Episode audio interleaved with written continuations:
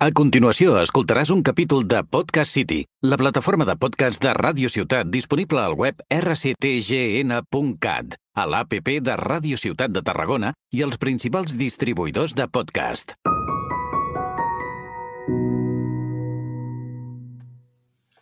Hola, hola, benvingudes i benvinguts un capítol més al Piscolabis del Cultius Culturals.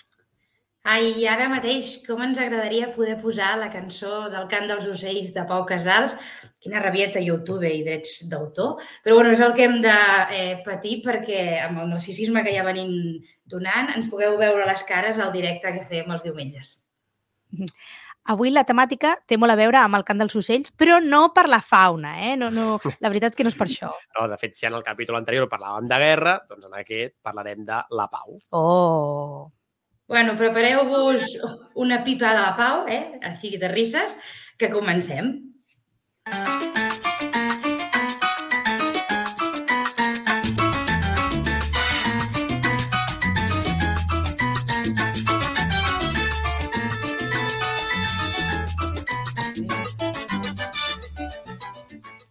Ara va baixant la musiqueta. L'anterior quinzena teníem de convidar l'historiador Jaume Camps i parlàvem de la guerra i en especial dels projectes i les exposicions i com els artistes han anat plasmant la guerra eh, en l'art, no? En aquest enfoquem l'altra cara, la pau. Ho fem eh, sense convidat i amb les seccions de la Rosa i del Gavino. I comencem, si vols, Gavino. Eh? Doncs Et dono pas. començo ja, em llenço ja la, la piscina. Avui marxem a la capital de la Unió Europea, marxem a Brussel·les, i és que en el capítol en el qual parlem de pau, parlarem de la idea recurrent historiogràficament de la pau com a sinònim de benestar, de bon govern. Segurament més que comenci a explicar moltes filosofades, s'entendrà millor si ens imaginem l'Arapaquis de, de Roma.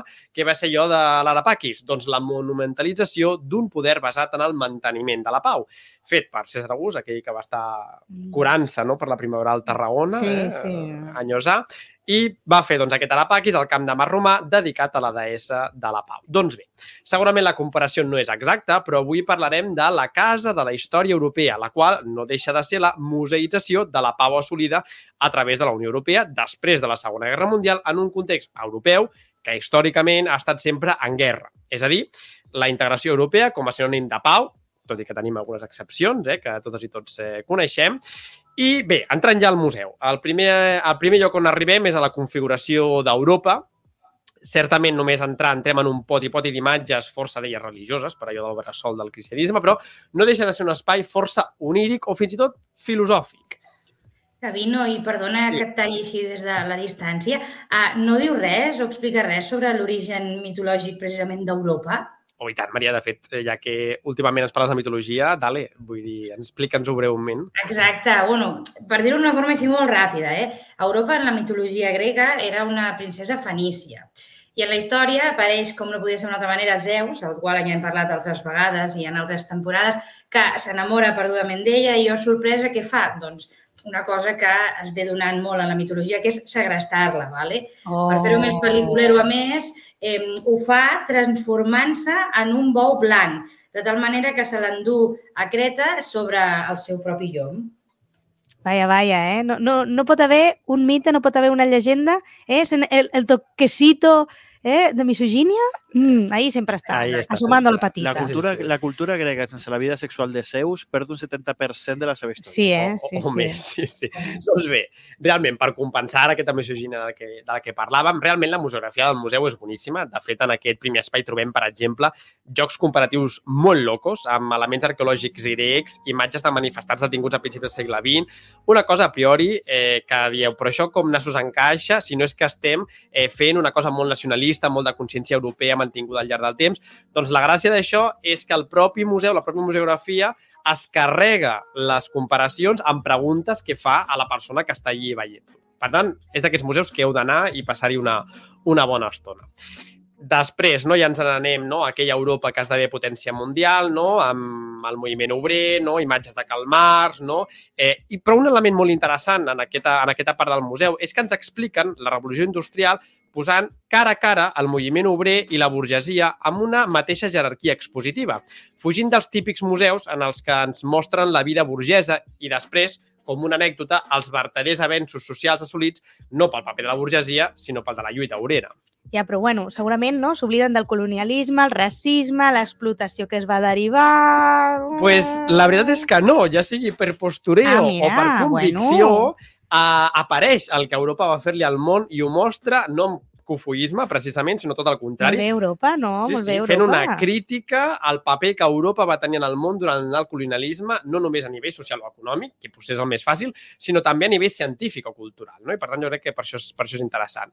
Eh, com no hi, hauria, no hi haurà temps de destacar-ho tot, simplement anunciar que tot el que ve a ser el discurs de les revolucions i el liberalisme, aquí Maria i Guió segur que us en recordeu, fa bàsicament historiografia francesa, no? que és el que nosaltres vam estudiar també. Vull dir, nosaltres Mm. vam fer una història universal que era historiografia francesa. No? Pues, en això, diguéssim, que també cau en, a, a aquest museu. Tampoc no m'aturaré a la Primera Guerra Mundial i directament me'n vaig a la polèmica i per això tenim una enviada especial, alerta, ah, eh? ah, ah. Ens parlarà la Cinta González Sentís, que actualment viu a Brussel·les, on treballa a l'oficina tècnica de la Federació dels Joves Verds Europeus.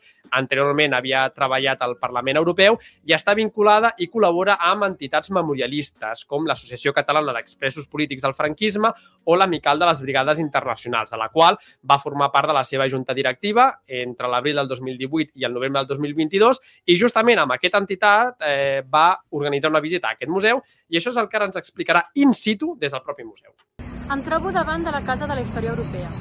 És un museu que va ser encarregat eh, pel Parlament Europeu. Va ser inaugurat l'any 2017, 10 anys després del que llavors acabava de ser escollit eh, president del Parlament, anunciés en el discurs amb el qual començava el seu mandat que la construcció d'aquest museu, del que hi ha dins, perquè l'edifici ja existia, era un dels projectes que tenia com a president i que encomanava, per tant, també a la resta de la cambra. Aniré directament al, al gra, que en aquest cas és l'equiparació que es fa entre el nazisme i el comunisme, a veure si realment és així. Eh, el feixisme i el nazisme, diguem, majoritàriament és tractat com una ideologia totalment eh, negativa, no, o sigui, no hi ha cap mena de dubte i, i la presentació que en fa aquest museu és totalment inequívoca, així com, evidentment, el règim eh, nazi. Eh, la controvèrsia ve donada perquè hi ha moments en els que hi ha equiparació entre el règim nazi i el que sigui que estigués passant a l'Europa de l'Est. I ho he de dir així perquè hi ha moments en els que parla de coses molt, eh, diguem, àmplies i poc eh, específiques, com per exemple el règim comunista soviètic, i altres moments en els que parla de, per exemple, l'estalinisme autoritari, o es comparen coses molt concretes com deportacions o camps de treballs forçats o expansionisme, no? Um, en qualsevol cas, a més a més, uh, aquestes diferències, especialment dels sintagmes amb els quals ens referim al que passava o les ideologies o vés a saber què, um, també varien segons el suport, no? llegit o audioguia o jo sé, audiovisuals i també el, segons els idiomes. Um, al final, jo crec que sense ser massa tiquis-miquis i sense buscar-li tres peus al gat, jo crec que sí que es fa una equiparació entre la Unió Soviètica en general i el règim feixista, o nazi especialment, i um, extrapolant també entre les ideologies nazis i comunistes. En la meva experiència personal això és bastant controvertit i bastant problemàtic. Eh, per exemple, jo vaig visitar aquest museu per primera vegada l'any 2018, és a dir, un any després de la seva fundació, amb altres companys de la Junta Directiva de l'Amical de les Brigades Internacionals i altres membres d'altres eh, moviments i organitzacions memorialistes d'Espanya. I ens vam trobar, jo anàvem prevenidos eh, d'aquesta situació, però sense... Crec que la millor manera per il·lustrar això és que el llavors president de la nostra organització, el Lluís Martí Bielsa, és un home eh, que, que va ser comunista, va ser militant comunista i sempre es va considerar comunista, i que, per exemple, entre d'altres coses que va fer durant la seva vida, ell va participar en l'alliberament de París. I al final, crec que és la millor manera d'il·lustrar-ho, no? Podríem dir que s'està equiparant la ideologia d'un home eh, que va alliberar París amb la ideologia dels qui tenien París segrestada. Bé, doncs aquí ja tenim... Primer deixa'm dir Digues. que el videíto estava molt ben ubicada, no? I a més a més se sentien els ocellets, bueno, molt graciós, molt graciós, pots, pots seguir, perdó, no, no, eh? realment l'enquadre semblava de tele. Sí, sí. sí, sí. Bé, doncs aquí ja tenim el, el que de debò m'agrada a mi parlar a mi quan parlem de museus d'història, no? I per això crec que era important parlar d'aquest museu en un capítol dedicat a la pau. Clar, la polèmica és evident, perquè quan entres a la sala principal d'aquest període trobem dos grans conjunts museogràfics, un sobre el nazisme i un altre sobre l'estalinisme. I aquí ja, ja comença allò que explicava la cinta, no? L'audioguia en castellà en tot moment es fa referència a l'estalinisme, però en canvi en el text en anglès present al museu apareix de forma reiterada no? la paraula comunista. A més, eh, crec que els propis creadors del museu van tenir problemes per organitzar aquesta sala. I és que al final hi ha coses que són incomparables, no? Per exemple, tot el tema del genocidi queda molt amagat a la part del darrere, on no hi ha una visió comparativa amb l'element de l'estalinisme, el que fa que l'element més brutal del nazisme, que va desencadenar el gran discurs antifeixista creador de la Unió Europea i, per tant, de la pau europea, queda amagat en el propi museu que va d'això. Però seguint amb això que us estic dient, eh, tornem a connectar amb la cinta, aquesta vegada des d'un altre espai, aquesta vegada des de la plaça de Simon Weil de Brussel·les. Ara mateix estic davant de l'edifici Altiero Spinelli, que és un dels edificis més icònics del Parlament Europeu. I m'agradaria explicar que aquesta controvèrsia sobre aquesta equiparació no es dona exclusivament en, aquest, eh, en el museu que acabem de veure, sinó que ja és una cosa que evidentment porta cua. Per exemple, l'any 2006, una de les configuracions del Consell Europeu eh, va proposar no, una resolució en el que bàsicament s'equiparava, crec que era textualment el règim comunista soviètic amb el règim eh, nazi. La resolució no va tirar endavant, eh, però bueno, una mica de context. Qui proposava la resolució era un suec membre del Partit dels Moderats, que és el partit que, mm, juntament amb l'extrema dreta, avui forma part del govern suec. Per tant, bueno, doncs també a veces eh, les coses són lo que parecen. Eh, en una altra ocasió, en aquest cas en el 2019, el Parlament va fer una resolució eh, que porta per títol alguna cosa així com respecte a la de memòria democràtica europea i no sé què, eh, però bueno, el, el marc és això de la memòria democràtica i eh, el text final sí que inclou aquesta equiparació.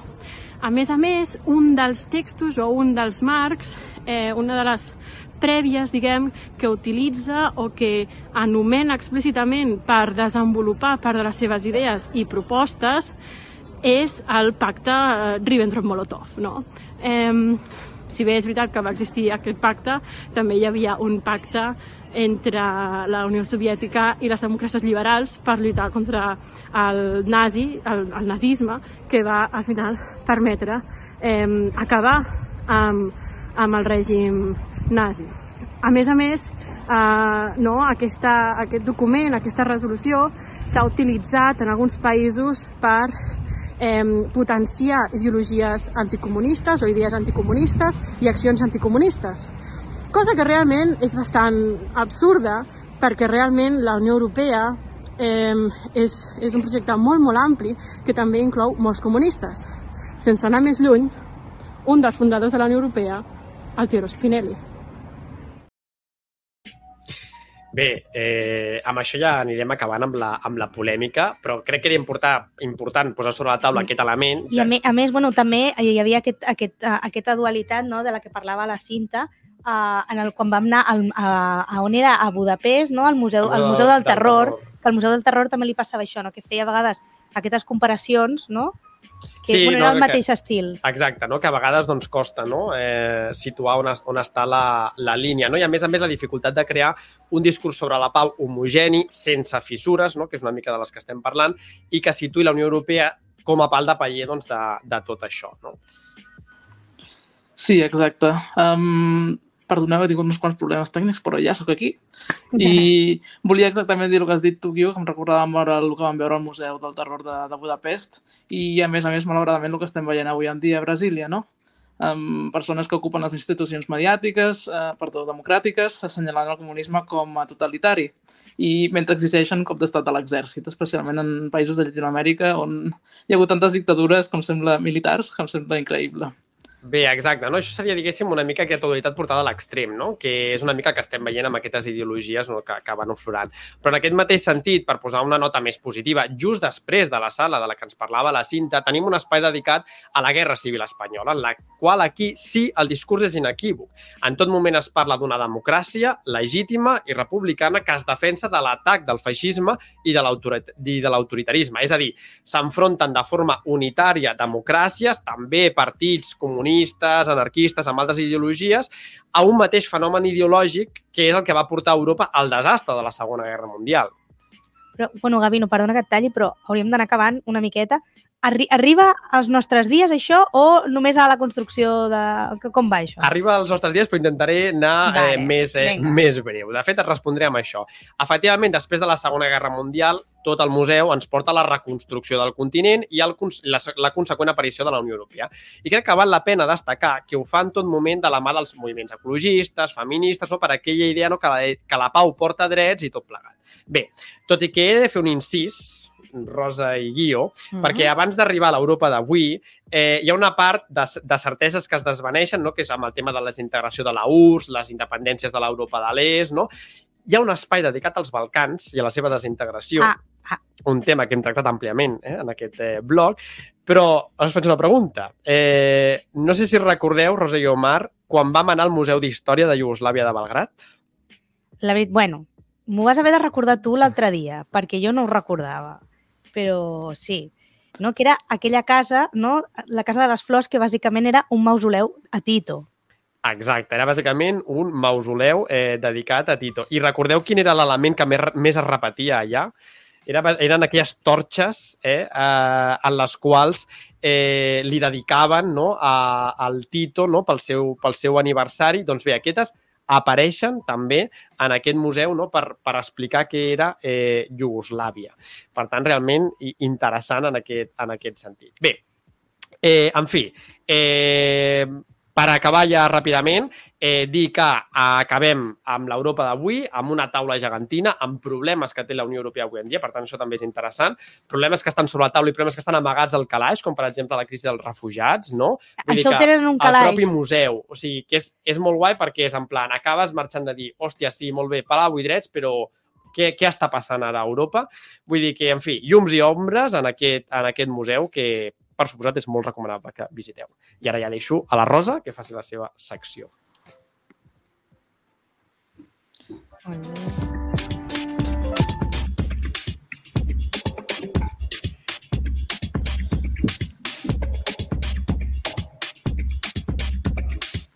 Com hem vist, doncs, amb el Gavino, la pau està generalment associada a conceptes positius, no? La pau com a benestar, com a base de progrés econòmic i social, no obstant, no queda molt clar com s'hi arriba a aquest estat no? de pau. Diríeu que la pau és absència de guerra? M'agradaria pensar que no de forma optimista. Clar, és una pregunta molt difícil. Eh? Jo no, no sé contestar-la realment. No, no ho sé. Bueno, suposo que avui seré moltes preguntes a l'aire i tampoc eh, no, no podem entrar aquí en debats molt, molt eh, profuns, però sí que m'agradaria que al final eh, fem tots una reflexió sobre, sobre els punts que aniré tractant, perquè m'agradaria parlar de com s'hi arriba aquesta pau tan desitjada, no? Exemples reals de processos de pau en el que definiríem el que és el procés de construcció de la pau. Um, de fet, deixo proposta per al futur perquè m'han semblat molt interessants tant el, la temàtica que vam tenir la setmana passada, bueno, el, el, l'episodi passat com la temàtica d'avui crec que hauríem de, de fer una segona ronda i de convidar alguns experts en processos de pau i construcció de pau. Em sembla un tema molt interessant i molt actual. Llavors, eh, bé, realment tots ho sabem, quan comença una guerra mediàtica, especialment eh, les que hem vist en els últims anys, immediatament apareixen a tot arreu els mitjans de comunicació i, i signes i manifestacions de gent que, que demana aquesta pau, no? que s'acabi del conflicte, que es deixin de llançar bombes, la fi de les hostilitats, com diuen els periodistes, i que vingui l'anomenada pau. Els de la nostra generació ho hem vist amb la guerra de Bòsnia, Afganistan, Iraq, Síria i recentment eh, Ucraïna. També hem vist aquestes guerres enquistar-se i desaparèixer dels mitjans en algun moment, fins que un, un es pregunta molt bé, s'han acabat aquestes guerres o ja han fet les paus, mai millor dit. En algun punt les guerres s'acaben, és cert, però a vegades triguen mesos, triguen anys, I quan una guerra moderna s'acaba i es signen uns papers on diu que les parts del conflicte ja no es barallaran més, ja sigui perquè una part ha vençut i ha humiliat l'altra o han quedat, diguéssim, en taules, per tant ja no, ja no els és eh, rentable seguir amb aquest conflicte, llavors comença el període que se suposa que serà pacífic. Durant aquest període, però, la pau no ve donada per ser, com dèiem, la pau s'ha de construir. Després d'un conflicte violent hi ha moltes ferides obertes, molta desconfiança i, i por, sobretot si hi ha hagut molta repressió a la població civil si no es gestiona bé aquest procés, al final acaba sent només un interval abans que arribi el, el següent eh, conflicte. I igualment diria que la pau es comença a construir ja des del minut zero en què comença un conflicte. Um, què diríeu? Ostres, Clar. és que... És molt filosòfic, I això. I que dur, realment, no? Clar. Eh, acceptar aquesta tesi que, que jo crec que podríem estar d'acord que en part és així, no? És a dir, al final un comença una guerra per, per un objectiu que acabarà amb un acord de pau, no?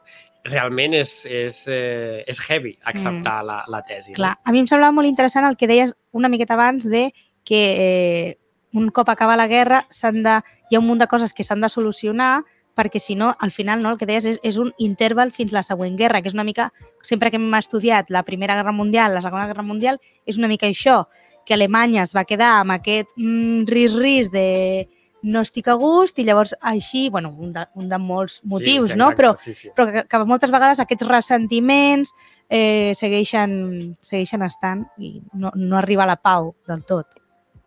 Sí, exacte. M'encanta que hagis ja posat el primer exemple de la Primera Guerra Mundial, crec que és el que mm. tenim um, més present.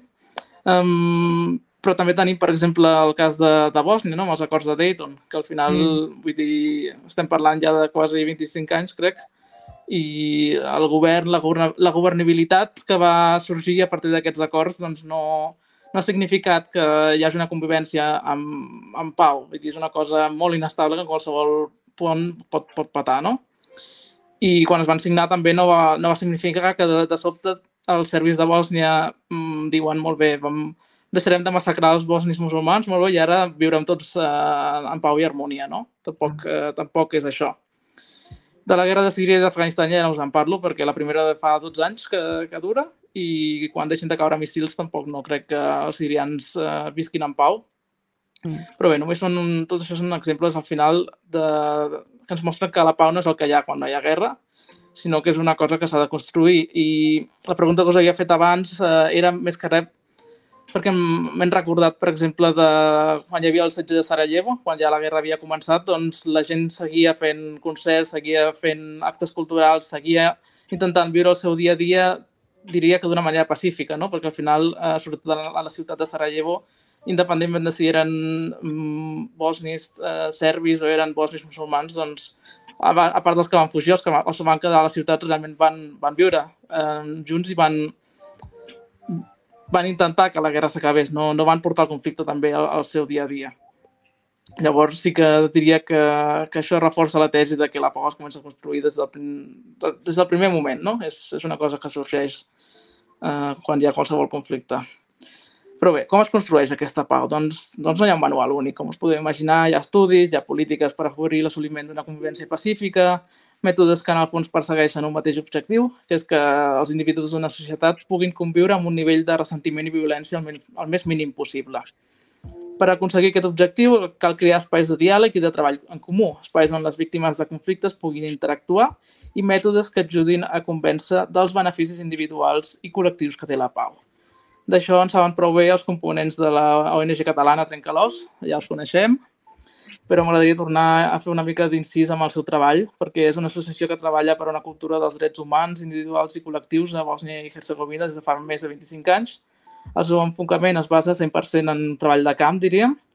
Organitzen activitats per a la població, especialment joves, a diferents escales per transmetre de forma didàctica els principis en el que es basa la pau. I el seu mètode és molt artístic, podríem dir. No? Utilitzen pintures, poesia, teatre, música, i aconsegueixen plantejar una reflexió profunda de les conseqüències d'un conflicte armat i de com de difícil és després d'arribar a un nivell suficient de respecte i tolerància mútua entre individus d'una societat que han estat traumatitzats per aquest conflicte. Un altre exemple que ha tingut molt de ressò internacional és el procés de pau de Colòmbia. Després de 50 anys, imagineu-vos, de conflicte armat, el govern de Colòmbia ha firmat un acord de pau finalment amb el grup armat més gran del país, les FARC representants del govern i de les FARC es van reunir oficialment dos cops a Oslo i la Habana. Vull dir, vull entrar una mica en, el, en els detalls d'aquest, uh, d'aquestes discussions i de com es van arribar a, en aquests acords de pau. És un tema molt ampli, també podríem obrir molts melons, però vull només basar-me en, en aquests detalls perquè veiem una mica la magnitud no? de, de què, um, del que costa arribar a, a un estat de pau i, i a uns acords um, oficials de pau. Doncs, com deia, es van, es van fer aquestes reunions tant a Oslo i la Habana, um, països considerats neutres, per dissenyar un acord que seria posteriorment referendat a les urnes pel poble colombià. En la primera votació va sortir el no, perquè part de l'oposició no estava d'acord amb alguns punts dels acords, així que es va haver de tornar a, a debatre i per incloure i modificar aquests punts que no estaven, no estaven acceptats per l'oposició política d'aquell moment. Arribar a un acord els va costar a les dues parts 65 sessions de diàleg, més o menys uns dos mesos, amb viatges constants a Cuba i, i a Oslo. Sempre m'he imaginat com deu ser la vida aquestes persones que seuen a aquest tipus de taules de diàleg, no? De les quals depèn en gran part que molta gent segueixi visquent violència en el seu dia a dia o pugui eh, arribar a un, a un estat de pau. Quin tipus de persona deuen ser, no? Què, què us imagineu? Hòstia, jo no, no m'hi voldria trobar, però clar, entenc que és una persona que, que no sé, que, que sigui bastant freda, perquè és que al final... Bueno, i, i que també que el que deia la Rosa abans, no? que uh, per, per acabar una guerra, perquè vingui una pau, uh, s'ha de construir i el primer que has de fer és saber perdonar o saber oblidar i hi ha gent que no està disposada Clar, a això. però és que s'ha de cedir, no? Si S'ha no de cedir, hi, ha- hi ha gent que no està disposada a cedir, llavors mm, ja partim d'aquí. Clar. Sí, exacte. I els acords doncs, inclouen en total sis punts, sent el més conflictiu potser el punt del que, de que parla de les víctimes, que és el que dèieu ara. Qui són les víctimes del conflicte? Són les FARC, són el govern, és víctima, victimitzador, són les famílies, són els, els agricultors. Durant les converses sobre aquest punt es van rebre fins a 60 delegacions de víctimes del conflicte que van compartir el seu punt de vista sobre la fi del conflicte i els seus punts, eh, i els punts a discutir. Podem dir, doncs, que va ser un procés bastant democràtic i que ha servit per a que finalment a Colòmbia es pugui mirar cap al futur sense por a la repressió i la violència. Actualment, amb el nou govern, s'està negociant un acord similar amb el segon grup armat més important del país després de les FARC.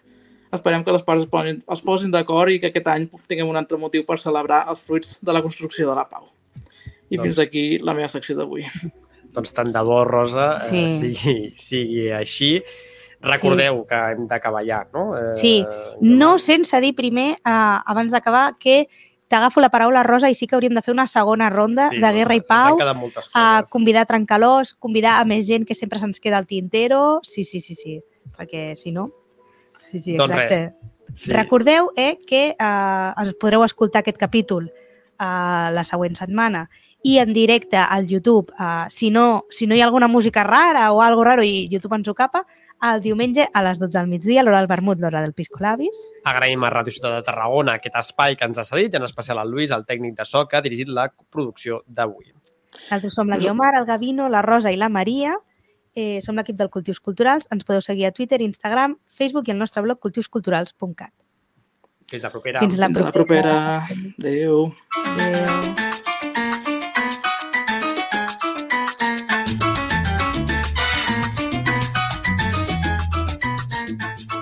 El Piscolabis del Cultius, el podcast que et deixarà amb ganes de més.